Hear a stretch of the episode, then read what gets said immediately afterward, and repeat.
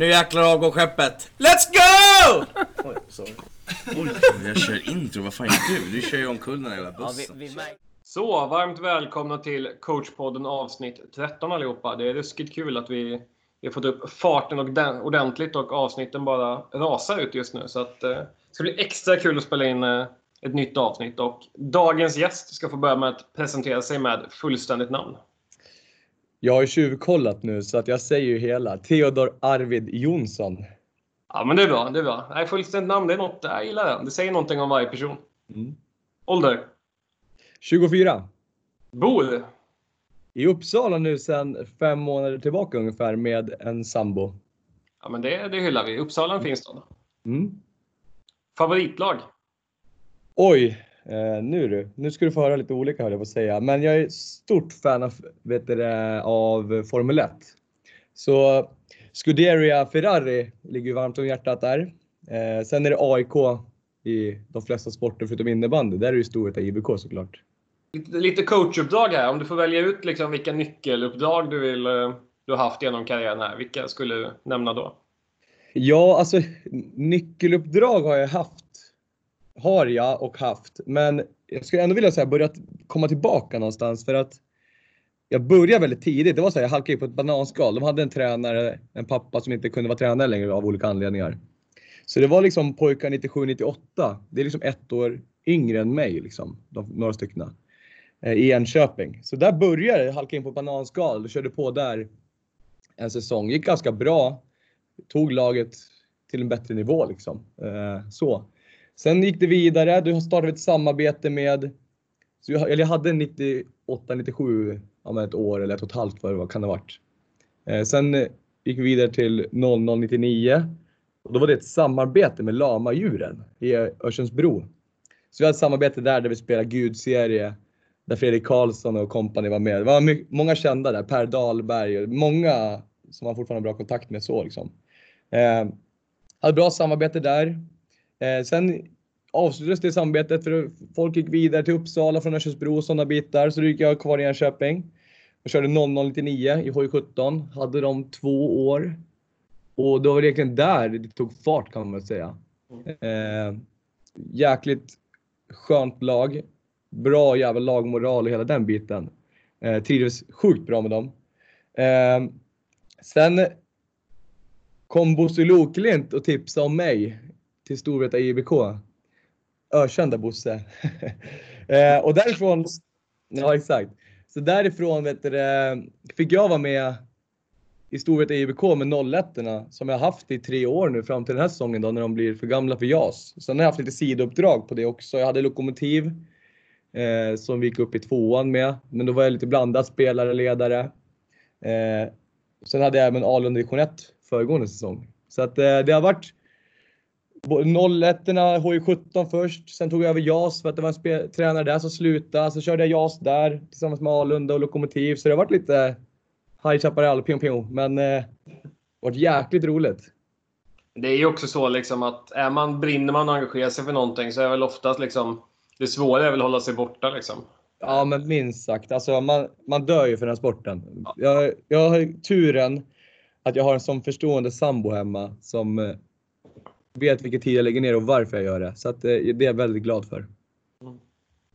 Och om vi ska gå över lite mer på eh, definiera liksom spelarna och Mm. så. Att vilka egenskaper anser du att en bra innebandyspelare bör ha?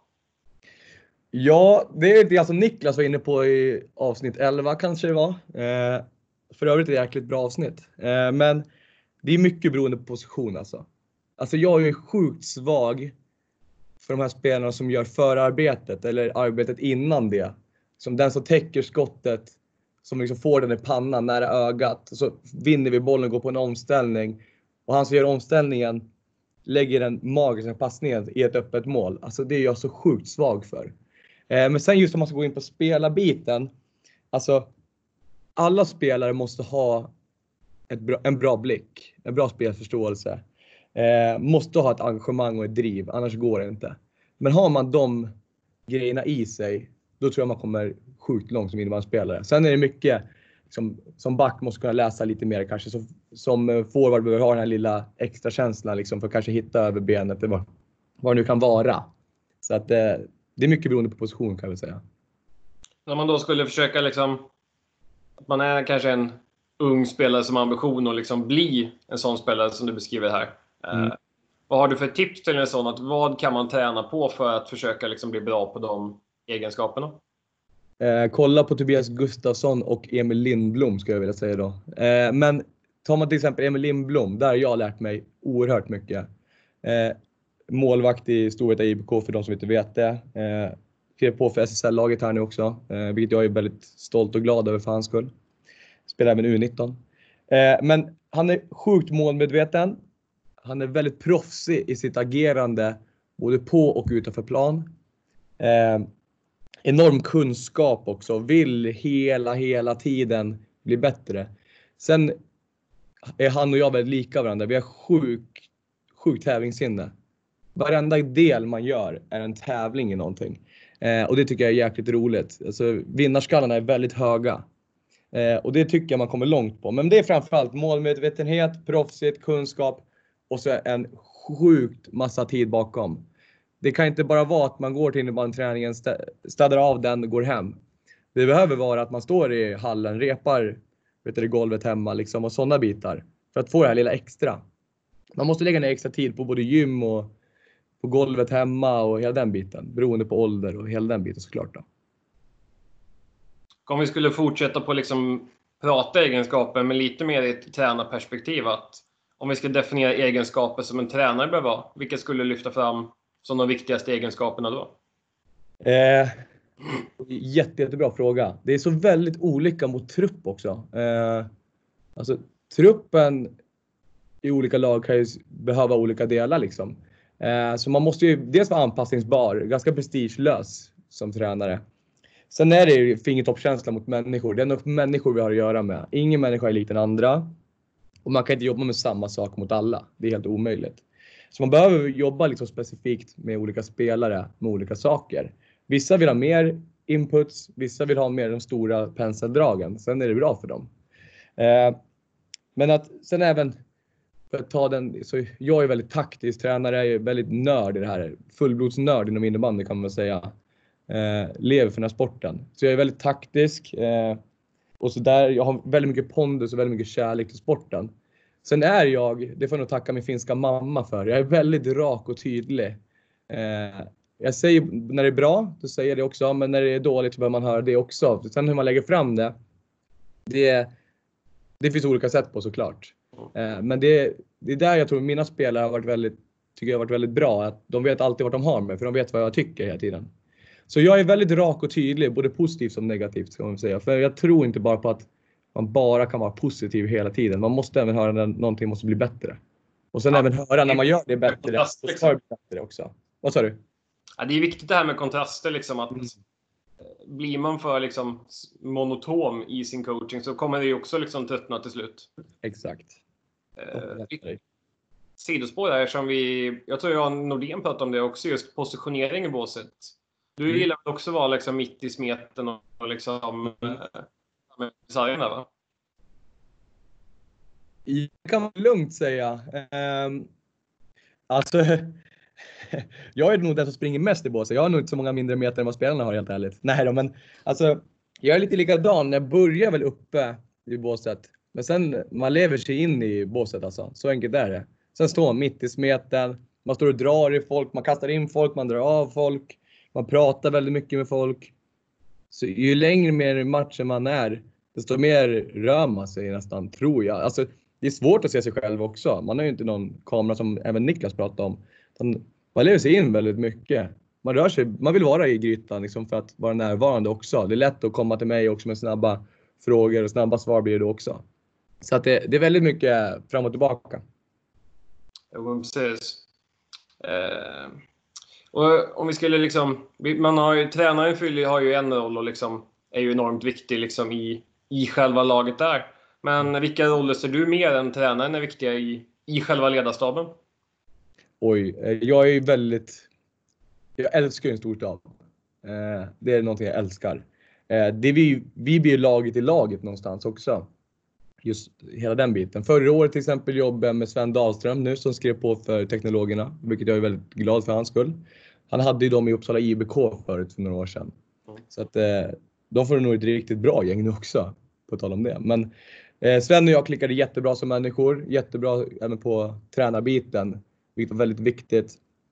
Sen har jag haft Paul Pettersson, ökänd i Storvreta 01. Han har ju varit med alla år. Men han har varit så jävla bra också. Alltså, alltså det är allt ifrån eh, på matchdagar, han fixar allting som alla vill ha. Eh, liksom, Sven gillade geléhallon, då var det alltid med geléhallon i omklädningsrummet.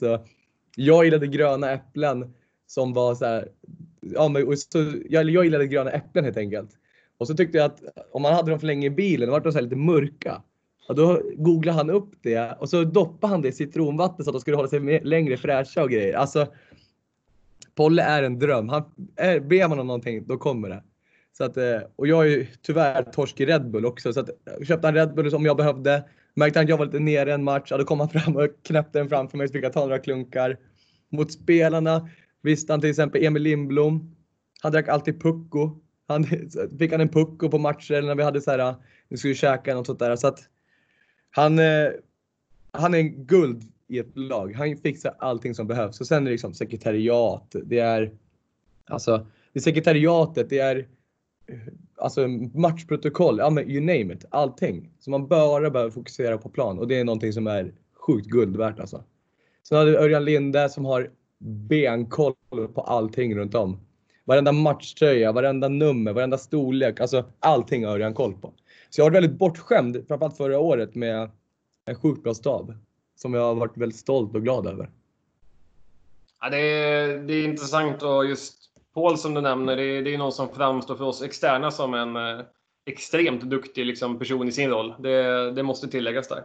Absolut. Eh, jag tänker lite liksom just om man är flera tränare i ett lag. Hur upplever du att man skulle vilja jobba? Du sa att du klickade bra med Sven där. Var det för att ni tyckte lika eller för att ni tyckte väldigt olika? Vilket skapar en bra liksom, debatt mellan er, eller hur, hur såg du på det? Mm. Alltså där, det är där jag tycker eh, utveckling sker ju inte om man tycker lika om allt. Eh, Sven var väldigt bra på att säga till mig när han tyckte saker och ting var mindre bra eller dåliga rent ut har sagt. Liksom. Eh, och det tyckte jag var väldigt bra. Så det utvecklade mig väldigt mycket och även honom själv. För att vi sa vad vi tyckte till varandra. Vi var väldigt raka och tydliga mot varandra. Och det var det jag trodde, eller tror att utveckla oss båda någonstans ändå. Sven sa ju det inför säsongen, han var inte så jättetaggad. Sen efter säsongen nu, var, nu är han ju brutalt taggad på innebandy istället. Eh, så jag och Sven kompletterar varandra väldigt bra där i och med att vi tyckte olika. Jag tror det utvecklar hela laget i det. Sen även som Roger Rönnberg, jag läste en intervju med han här nu när han har haft lite assisterande som har kommit och gått, lite yngre. Eh, och då var det så här, ja varför gör de det? Då var det, var det negativt lagt. Så svarar han så jäkla bra på det där att ja, jag ser nog mer som att han utvecklas så bra i Frölundas organisation, alltså ledarstab, så att de går vidare för att de är så pass kompetenta. Mm. Så att, eh, för att, och då var jag liksom, då trodde de att Roger Rönnberg var väldigt negativ mot dem, att man var svårt att jobba med honom. Och då frågade de det, var det enkelt att jobba med dig? Det hoppas jag inte. Jag hoppas jag ställer hårda krav på dem. Liksom. Så den var sjukt rolig att läsa. Och det är någonting jag, även jag och Sven har jobbat väldigt tajt med, så det känns väldigt bra. Nej, men det skulle vara intressant. Och det är ju jättespännande i de här liksom, gruppkonstellationen att få spelare att funka med varandra, få ledare att funka med varandra och liksom själva hela den eh, processen. Och någonstans i den, det arbetet så vill man ju säkerställa att gruppen, spelarna liksom ständigt utvecklas och liksom vi blir bättre på saker. Eh, har du något bra knep liksom för att kontrollera att man alltid utvecklas? Eller förstår du hur jag menar? Mm.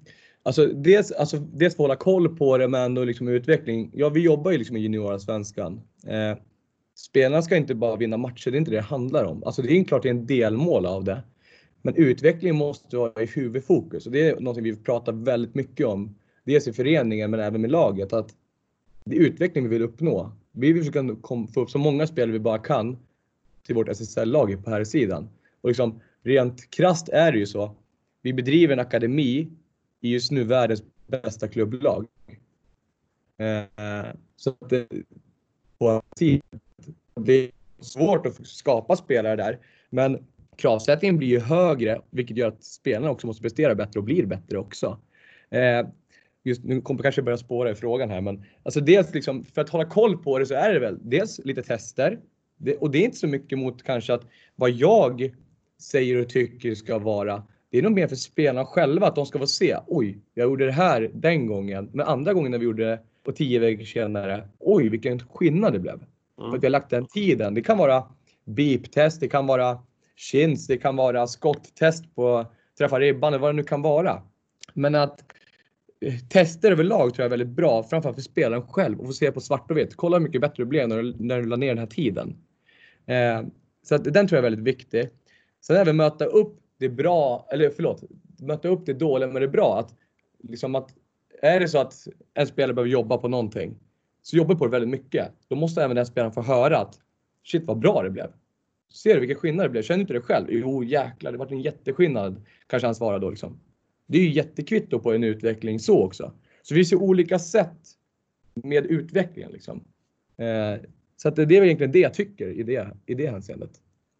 Jag måste säga att jag gillar verkligen att du vinklar på att när man gör någon form av test att man inte jobbar mot en, vad ska vi kalla det, vald kravbild att du ska springa och klara exakt det här eller att du ska skjuta minst fem skott i ribban utan man utgår från någonstans det tidigare resultat du har gjort liksom, för att se att nu är jag bättre än vad jag var för två månader sedan. Mm. Eh, det tycker jag är väldigt intressant. Att, för då blir det liksom också upp till mig själv och, och påverkar mycket mer. Jobbar man mot en vald fast att alla ska klara 15 på BIP eller vad det nu ska vara, liksom, det, då kommer också väldigt många misslyckas. Eh, men mm. om man istället ska jobba mot att vara bättre än vad man var senast, liksom, då, då är det större sannolikhet också att väldigt många lyckas. Ja, eh, exakt. Ja. Och så i juniorsvenskan så är det ju så. Kollar man bara den truppen jag kommer ha till nästa år, då har jag från årgång 05 till 02. Ska den 05 vara lika välutvecklad i kropp, sinne och allting som den 02? Svar nej. Allt som oftast är det ju inte så. Så man måste ju lägga upp det på ett utvecklingssätt så att spelaren själv får klättra i de bitarna. Så det tror jag är väldigt viktigt. Du nämner ju JAS nästa år. Det ska vi ju direkt ta, ta vid. Eh, och om vi då tittar på JAS eh, nästa säsong. Att dels vad hoppas du på för serie rent geografiskt? Det har varit lite olika liksom, om man möter lag upp från Gästrikland, Stockholm, Västerås eller liksom den fördelningen. Vad hoppas du där? Och framförallt, finns det något eller några lag du verkligen hoppas att ni får möta? Alltså, den ja-serien som var förra året tycker jag var väldigt rolig. Väldigt, väldigt rolig. Eh, man åker inte liksom till Stockholm och spelar Jakobsbergs sporthall sju gånger. Liksom, den, den, är ju inte rolig. Eh, så den serien som var var jag väldigt nöjd över och väldigt glad över. Eh, det var en rolig matchserie. Liksom. Skälby, fantastiskt lag. Vi hade ju liksom en boll inne mot dem. Liksom torska 30 sekunder senare. Det är, som, det är innebandy. Det går så jäkla fort. Eh, Strängnäs var ett roligt lag väldigt roligt att liksom komma till byn kan man säga. Och så var det liksom 300 pers på läktaren. Det var full, liksom fullt drag i hela hallen. Liksom. Det var premiären i Jasen och vi vann den som tur var. Men det var en rolig match liksom. Sen kan man inte ta ifrån liksom Sirius. Både Sirius i två möten är alltid roliga. Eh, juniorinnebandyn i Uppsala är en ynnest. Liksom. Alltså det är ju guld att spela juniorinnebandy i Uppsala. För det, den är väldigt attraktiv. Många vill se den. Eh, många vill vara en del av den. Och det är någonting jag också säger till våra spelare när vi spelar de matcherna. Att liksom, var en del av matchen nu. Gör en del av matchen. Liksom. Eh, var inte bara där och liksom, vinka till publiken. Liksom, var en del, gör det. Liksom. Gör matchen. Eh, så det, det är väldigt kul, just den biten. Så att eh, Sirius kommer ju vara kvar i serien, det hoppas jag verkligen. Det skulle bli väldigt skevt om man skulle sära på oss för att vi är lite norr om Uppsala. Liksom. Eh, men det är väl egentligen de lagen. Jag tycker det var en bra serie, så jag tar gärna den igen. Det var väl en generellt Uppland, Västmanland serie? Eh, ja, Västerås också va? Mm. Ja, men precis. Du, du nämner ju också de här derbyna. Liksom. Vi har ju tre lag från eh, Uppsala som var med relativt högt upp i tabellen, alltså ganska långt in på, på säsongen. Jag vet inte om det fortfarande var att alla var, var med och slogs om slutspel, men både Sirius, Stenhagen och Storvreta var ju med liksom hela vägen in där. Tror mm. du att det gynnar att man är liksom tre klubbar i samma stad som bråkar om den där playoffplatsen eller hade det varit bättre att liksom samla spelarna i kanske ett eller två lag? Eh, jag, jag tror någonstans, jättebra fråga. Jag tror någonstans att hade man liksom gjort en sammanslagning på det här. Jag och Stefan Eriksson pratade om det här förut som var tränare i, eller som är tränare i Sirius, vad blir det då? HI17 och hela den biten. Vi pratade om det här förut. Eh, då liksom, tänk om man skulle liksom dra ihop allting till en smet och liksom bara satsa på det. Det är det som Jönköping har gjort för några år sedan. De vann där tre raka SM-guld på juniorsidan. Eh, men någonstans också, jag tror det kan vara en fördel i sig. Men varför man vill komma till Uppsala och spela innebandy också, det är ju en del av det här att det är tre lag på juniorsidan. Som är, de är bra lag på olika sätt. Eh, vi jobbar väldigt mycket med utveckling så att det kanske inte blir den viktigaste matchen att man ska vinna varje gång. Men däremot så är det en viktig del av utvecklingen att till exempel möta Sirius i sådana här matcher. Eh, och de bitarna. Mm. Så att vi jobbar väldigt noga med utvecklingen. Sen vet jag att andra lag kanske inte jobbar lika hårt med utvecklingen. Där är det lite mer kanske backa hem, gå på en omställning. Det tycker inte jag är en utvecklande innebandy. Man kanske vinner matcher, ja. Eh, men inte utvecklande i framtid för de innebandyspelarna. Nej, det är ju skitbra liksom som du säger, att man, man får träna på att liksom älska läget också. För det brukar ju vara sjukt bra uppslutning publikmässigt på liksom JAS-derbyn. Mm. Generellt, framförallt fredagar i IF är ju underbara. Ja, de är helt underbara. När vi mötte Sirius nu sista matchen, nu kommer jag inte ihåg exakt så jag kanske kryddar den här siffran, men jag för mig att de sa någonting med 680 och så här, och det är helt sjukt. Ja. Då är det liksom, det är hela läktaren i en e-hall och så är det liksom bron ovanför de som har varit i IFU. Så att eh, det är en ynnest med juniorinnebandy i Uppsala. Om vi fortsätter liksom på JAS-spåret här, att det bästa laget som ni har mött i JAS, vilka skulle du säga att det är? Eh, då skulle jag vilja säga JAS och i övrigt, skulle jag vilja säga. Men i JAS så skulle jag vilja säga när vi mötte Falun i playoff. Sinnessjukt bra lag. Det var ju Malte Lundmark med mera liksom. Mm. Fantastiskt lag, väldigt bra lag på det sättet. Eh, så det var ett väldigt bra lag att möta. Eh, de hade väldigt bra koll. Thomas Holmgren där tränare, han, han spelar ju då också. Vet vad som krävs också. Så att, sjukt bra lag. Sen måste jag nästan dra upp det Team Sensei i, i Storvreta-cupen. Vi mötte dem i final där med 01 då. Eh, hade gjort en sjukt bra Storvreta Cup. Men vi gick ju bara på 14 gubbar hela tiden också. Så det är liksom, man blir ju trött efter ett tag, så enkelt är det Men eh, där var det soppatorsk deluxe. Jag tror det var 8-2 eller sådär. Men vi hade inte en suck mot dem. Eh, de tokkörde. De hade sina 20 gubbar på bänken, så var det så här fem på läktaren och sånt där. Men de tokkörde. Men satan vilket bra lag det var. Det var ju något ihopplock från Finland som kom då. Eh, så att eh, sinnessjukt bra lag. Det är ju coolt de där, eh, vad ska vi kalla det, ihopplocken stundtals. Det skulle ju kunna bli, vara fantastiska. Ja. fantastiska gäng. Det är ju lite som vi har haft några svenska lag som ibland är nere i Prag och kör. Det, man kan ju dra ihop fruktansvärda Ja, men exakt. Och det, vad hette de? Team Zone. Så där. De var ju sjukt bra när de åkte ner till Prag där, så att det var inga dåliga lirare där heller. Om vi bara sidospår här också, men eh, är du för eller emot sådana typer av lagsammansättningar? Just då var jag så jäkla anti det där kan jag säga. Då hatade jag ihopsättningar deluxe. Men eh, det är ju både och det där. Eh, jag förstår varför man gör det. För då kanske man vill utmana på den bästa nivån man kan göra. Eh, men det blir ju kanske inte rättvist på det sättet heller i just i det hänseendet. Ja, jag tycker inte det är rättvist, men jag förstår någonstans det. Så jag är väldigt kliven i den frågan, vill jag säga. Jag tänkte så här, i, när det blir kupper i Sverige så blir det ju lite strul för vi har ju en föreningsstruktur, tror jag nu. Nu är jag ute på djupt vatten här, men att jag tror inte svenska lag får göra sådana konstellationer till Storvreta-cupen, för då är de bunden till sin förening och sin licens. Mm. Däremot utomlands som åker till Czech Open i Prag, då kan man liksom dra ihop lite vad, vad som helst och det kan nog även de tjeckiska lagen göra. Mm. att det är väl synd just när åker utländska lag på en cup till Sverige så har de ett regelverk och vi svenska lag har ett regelverk. Vilket gör att det blir liksom en, en orättvisa. Åker man till Check Open då kanske man får leva med att så här ser förutsättningen ut och det är åtminstone lika för alla. Liksom. Ja, exakt. Jag håller med dig där. Nej, det är svårt. Eh, om du ska lyfta fram någon enskild bästa match som du, du känner liksom att då var vi som bäst och fanns det några faktorer bakom som påverkade att ni kom upp och var så bra? Um, oj, ja där finns det många matcher att välja mellan egentligen. Um, det finns ju de här matcherna när man liksom bara, oh shit vad händer liksom? Hur bra är vi just nu? Det är bara liksom, man backar bara, man ska inte vara i vägen ens. Um, men eh, någonstans när jag tog över JAS-laget Storvreta Eh, då hade dåvarande JAS-laget gått lite knackigt. Vi mötte Falun, vann den matchen med 3-2 precis. Sen helgen efter skulle vi möta Sirius och jag tror det var Sirius 98-99. Vilket var sjukt bra lag i Sirius. De hade sinnessjuka spelare där. Eh, både Matte Jansson, Blomqvist, Filip. Ja, de var jätte, jättebra lag och de låg ju så bra till. Så det var liksom Storvreta då, det var bara liksom städa av den matchen.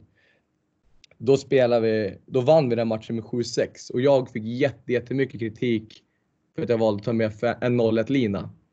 Eh, och liksom spela den. Men jag ansåg att de skulle liksom klara av det. Jag trodde, jag trodde det skulle vara det bästa för matchen och då de gick ju 3-0 i matchen. Sen var det Emil Persson von Delu som gjorde 7-6 målet med någon minut kvar. Men det är en match jag minns och det var sjukt. Det var ju samma sak, E-plan, IFU, fullsatt där.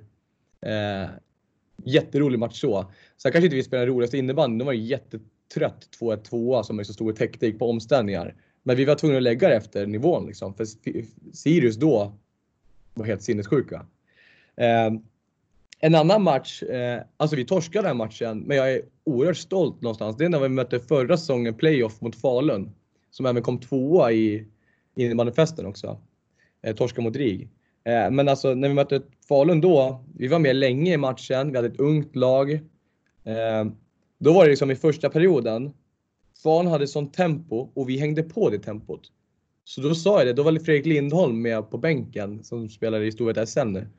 Eh, då sa jag till honom, jag har aldrig sett det här tempot på mina gubbar. Eh, vi spelade på sånt smartness, så snabbhet med boll och sånt så att jag var, jag var alldeles chockad. Vi var med länge i matchen också. Eh, men Falun var ett bättre lag och vann helt välförtjänt också. Men jäklar, då var jag väldigt, väldigt imponerad av mina egna gubbar. Trots torsk liksom, så var jag väldigt stolt över dem. Det är ganska intressant eh, just nu har de här läget att man kommer in i ett litet läge och man har allt att vinna. Mm tycker jag att den rollen är mer tacksam som tränare att bemöta. Att nu möter vi ett lag som är sjukt bra. Alla vet om precis hur jäkla bra med. Alla kommer vara taggade satan. Är den lättare än att möta laget som ligger sist i tabellen? Vi ska bara städa av matchen och de kommer tokparka bussen och spela fullt. Liksom. Vilken, vilket scenario föredrar du?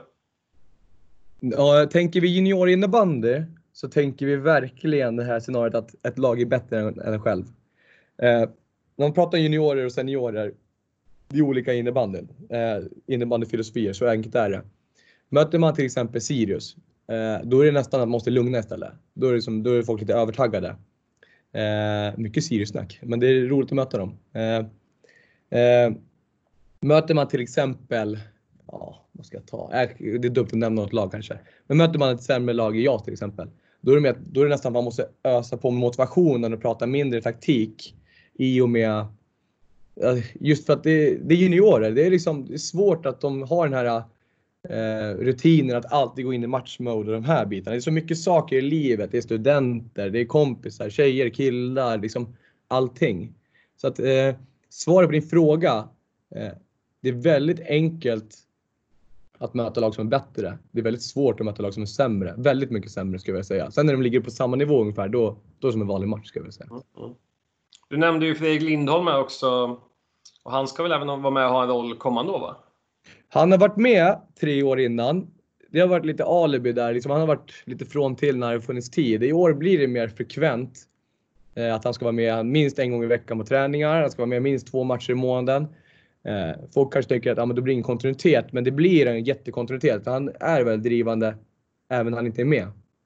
Sen är han, hans närvaro på träningar och sånt eh, guld värt. Eh, just det här tekniska tankesätten, hur vi ska agera, sådana saker. Eh, jag tycker han är expert där och där är jag väldigt tacksam att han är med. Så att, eh, det känns väldigt bra. Det, det finns ju en viss, eh, viss erfarenhet från att avgöra SM-finaler som helt klart är intressant att plocka fram där. Ja, nu kan jag inte säga det. Han får ju skalle direkt då. Det här brukar vi prata om ibland. Han får skalle på träningen, då brukar vi alltid ropa Matchavgörande på Johan Rehn där han petar under på en retur. Liksom. Det är inget drömmål, men det är fan så han gör målen. Ja, det är underbart. Eh, jag tänker vi ska, vi ska bränna av eh, med två, två delar kvar här. Dels sekvensen fem snabba, där du kommer få svara spontant och impulsivt. Och sen då själv plocka ut en liten eh, drömuppställning här. Mm. Men vi, vi ska städa av de fem snabba här först då. Är du beredd? Jag är redo. Då är första frågan då. Parkera bussen eller spela med helplanspress? Helplanspress alla dagar i veckan. Forward eller back? Ooh! Back. JAS eller H3? JAS. Powerplay eller boxplay? Den här frågan, det var ju fem snabba så jag ska inte utvärdera kanske så mycket. Powerplay. Enköping eller Grillby? Oh, det där också. Eh, Lokomotiv Gilby eller Gilby IBF? Ja, det kan ju vara orterna också. Ja, är det, ort, är det orter säger jag Enköping, är det lag säger jag Grillby IBF. Eller Lokomotiv, nej inte Grillby IBF, Lokomotiv. ja, men underbart. Eh, vilken fråga var vi fastnade på lite? Var det PP eller box eller? Ja, den ja. Den tycker jag är så jäkla intressant också. Eh, I år, nu har jag inte exakta siffror i huvudet, men jag tror vi spelade 34 boxplay och sånt där. Så vi släppte in 7 och gjorde 5. Så vi gick totalt minus 2 om man ska se över en hel säsong, vilket jag är väldigt nöjd över så. Och det går ju också att göra väldigt roliga saker i boxplay också. Liksom. Man helt plötsligt bara sätta en plan, en press liksom med box och sådana bitar. Det är kul att liksom bryta innebandys mönster. Annars är det ju klassiska 2-1-2. I, i vet du, boxplay är det 1-2-1 eller 2-2 liksom. Sådana där saker. Men jag tycker det är kul att bryta lite mönster också. Att motståndarna måste börja tänka. Eh, även vanliga spelet. Det tycker jag är väldigt kul. Just som tränare så. Jag ska bara slänga lite personligt sidospår. Det är kul med PP. Vi hade ju två formationer vi jobbade med ganska mycket under säsongen med laget jag tränar. Den ena formationen såg alltid skitbra ut på träning. De var jättesnabba på att sätta massa varianter och såna här saker. Så fort det kom till match så blev det aldrig mål. Så hade vi andra formationen. Det såg skit ut på träning, men de gjorde mål varenda match de fick chansen. Liksom. Det är helt fantastiskt. Hur, hur klassiskt är inte det någonstans? Ja, men det är underbart. Ja. Men då ska vi kliva vidare till en liten drömuppställning här. Då får du själv välja om det ska vara en 2-1-2 eller vilken taktisk disposition det ska vara. Klassiska brukar väl vara målvakt och fem utespelare i alla fall. Man får ju plocka målvakt om man vill också. Mm. Du får själv också sätta ihop en ledarstab.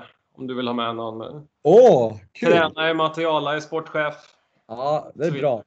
En tror jag vet alla vet är given nu liksom. Inte på den var inte rätt svenska men.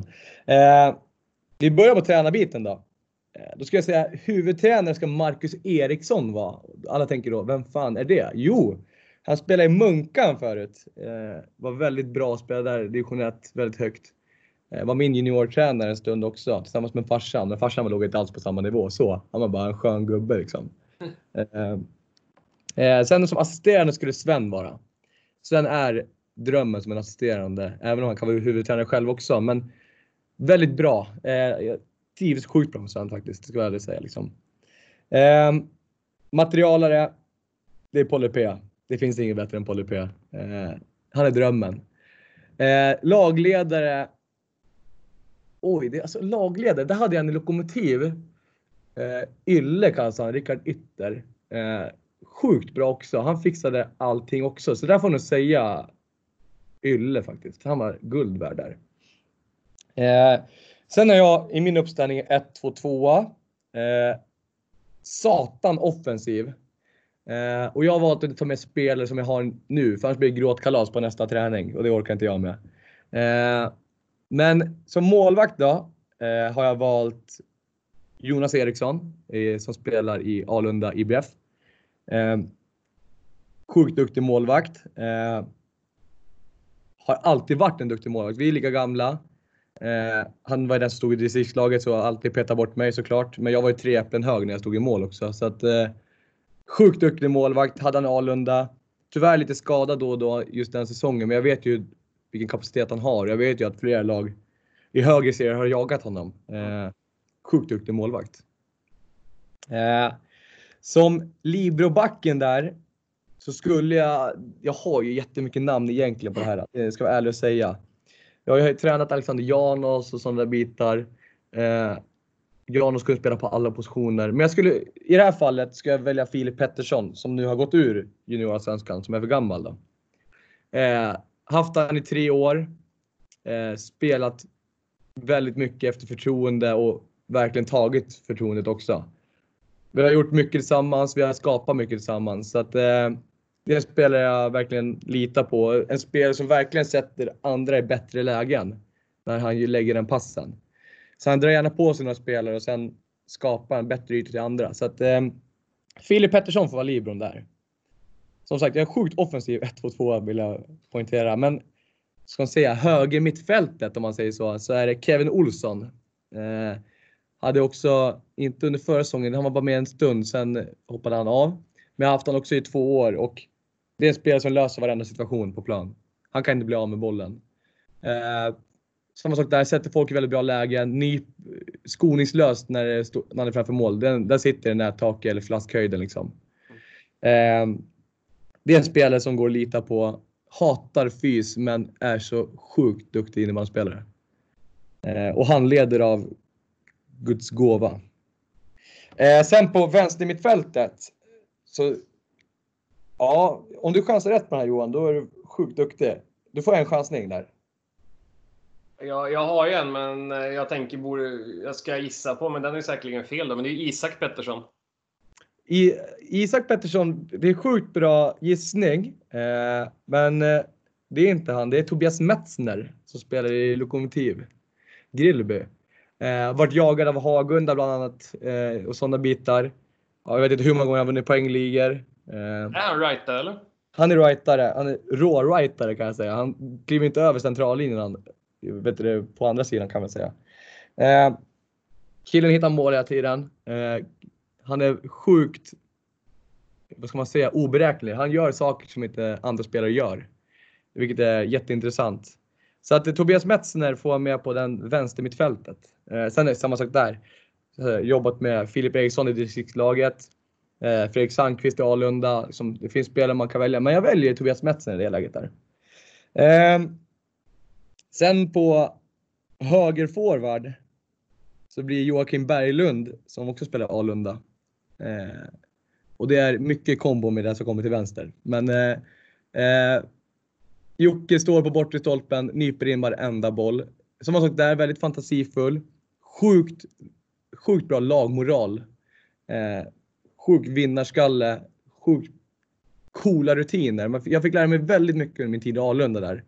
Eh, väldigt bra liksom mot yngre, väldigt bra mot laget. Sätter alltid laget före sig själv. Men är en sjukt professionell innebandyspelare som jag såg upp mot väldigt mycket. Eh, sen en kille jag spelat med en kort stund men en väldigt bra innebandyspelare och det är Jesper Ekström som nu spelar i Fagerhult. Jajamensan. Han spelar i Mullsjö och han spelar i Jönköping och ja, vad han nu har spelat överallt höll jag på att säga. Men jag hade... Jag Lillkyrka också va? vad sa du? Är det Lillkyrka han spelade i? Han har ju varit... Nej, Fjärdhundra. Där, exakt. Ja, han var i Fjärdhundra där och harva i början. Sen kom han till storlaget i Jönköping då. på den tiden.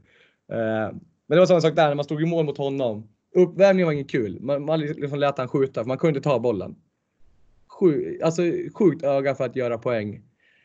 Um, och det är ju bevisat någonstans också. Han har spelat i bra lag här nu i många år.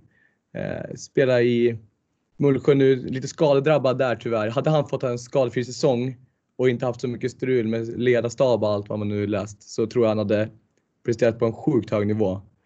Uh, I Jönköping gjorde han ju det under Niklas Paulsson där och Niklas Paulsson är ju sjukt bra tränare så att ta fram spelarna. Så att uh, det är ingen konstigheter så. Men Onyx, han har ju öst in poäng i alla säsonger där. Och kolla Onyx med Viktor Palm ja. Så att, eh, nej, men där blir det Jesper Ekström på vänsterforwarden. Och där har ni den vinnande laguppställningen av alla som har varit med hittills. ja, det, det, skulle vara en underbar turnering att få samla de här lagen minst sagt. köra på varandra. Fy fan vad kul det har varit. Ja, verkligen. Minst sagt. Nej, det hade varit roligt. Nej, men grymt. Det har varit, eh, varit lite JAS-fokus. Helt underbart att det är så. Det är ju en av de överlägset roligaste serier och tävlingar som existerar i denna sporten. Det Helt enig. Står över mycket. Och eh, framförallt då JASen i Uppsala. Det är ju en ynnest att få, få vara en del av det. Absolut. Och eh, så. Och eh, vi får väl önska ett stort lycka till kommande säsong och ett stort tack för att du har medverkat i coachpodden. Tack så jättemycket och tack detsamma.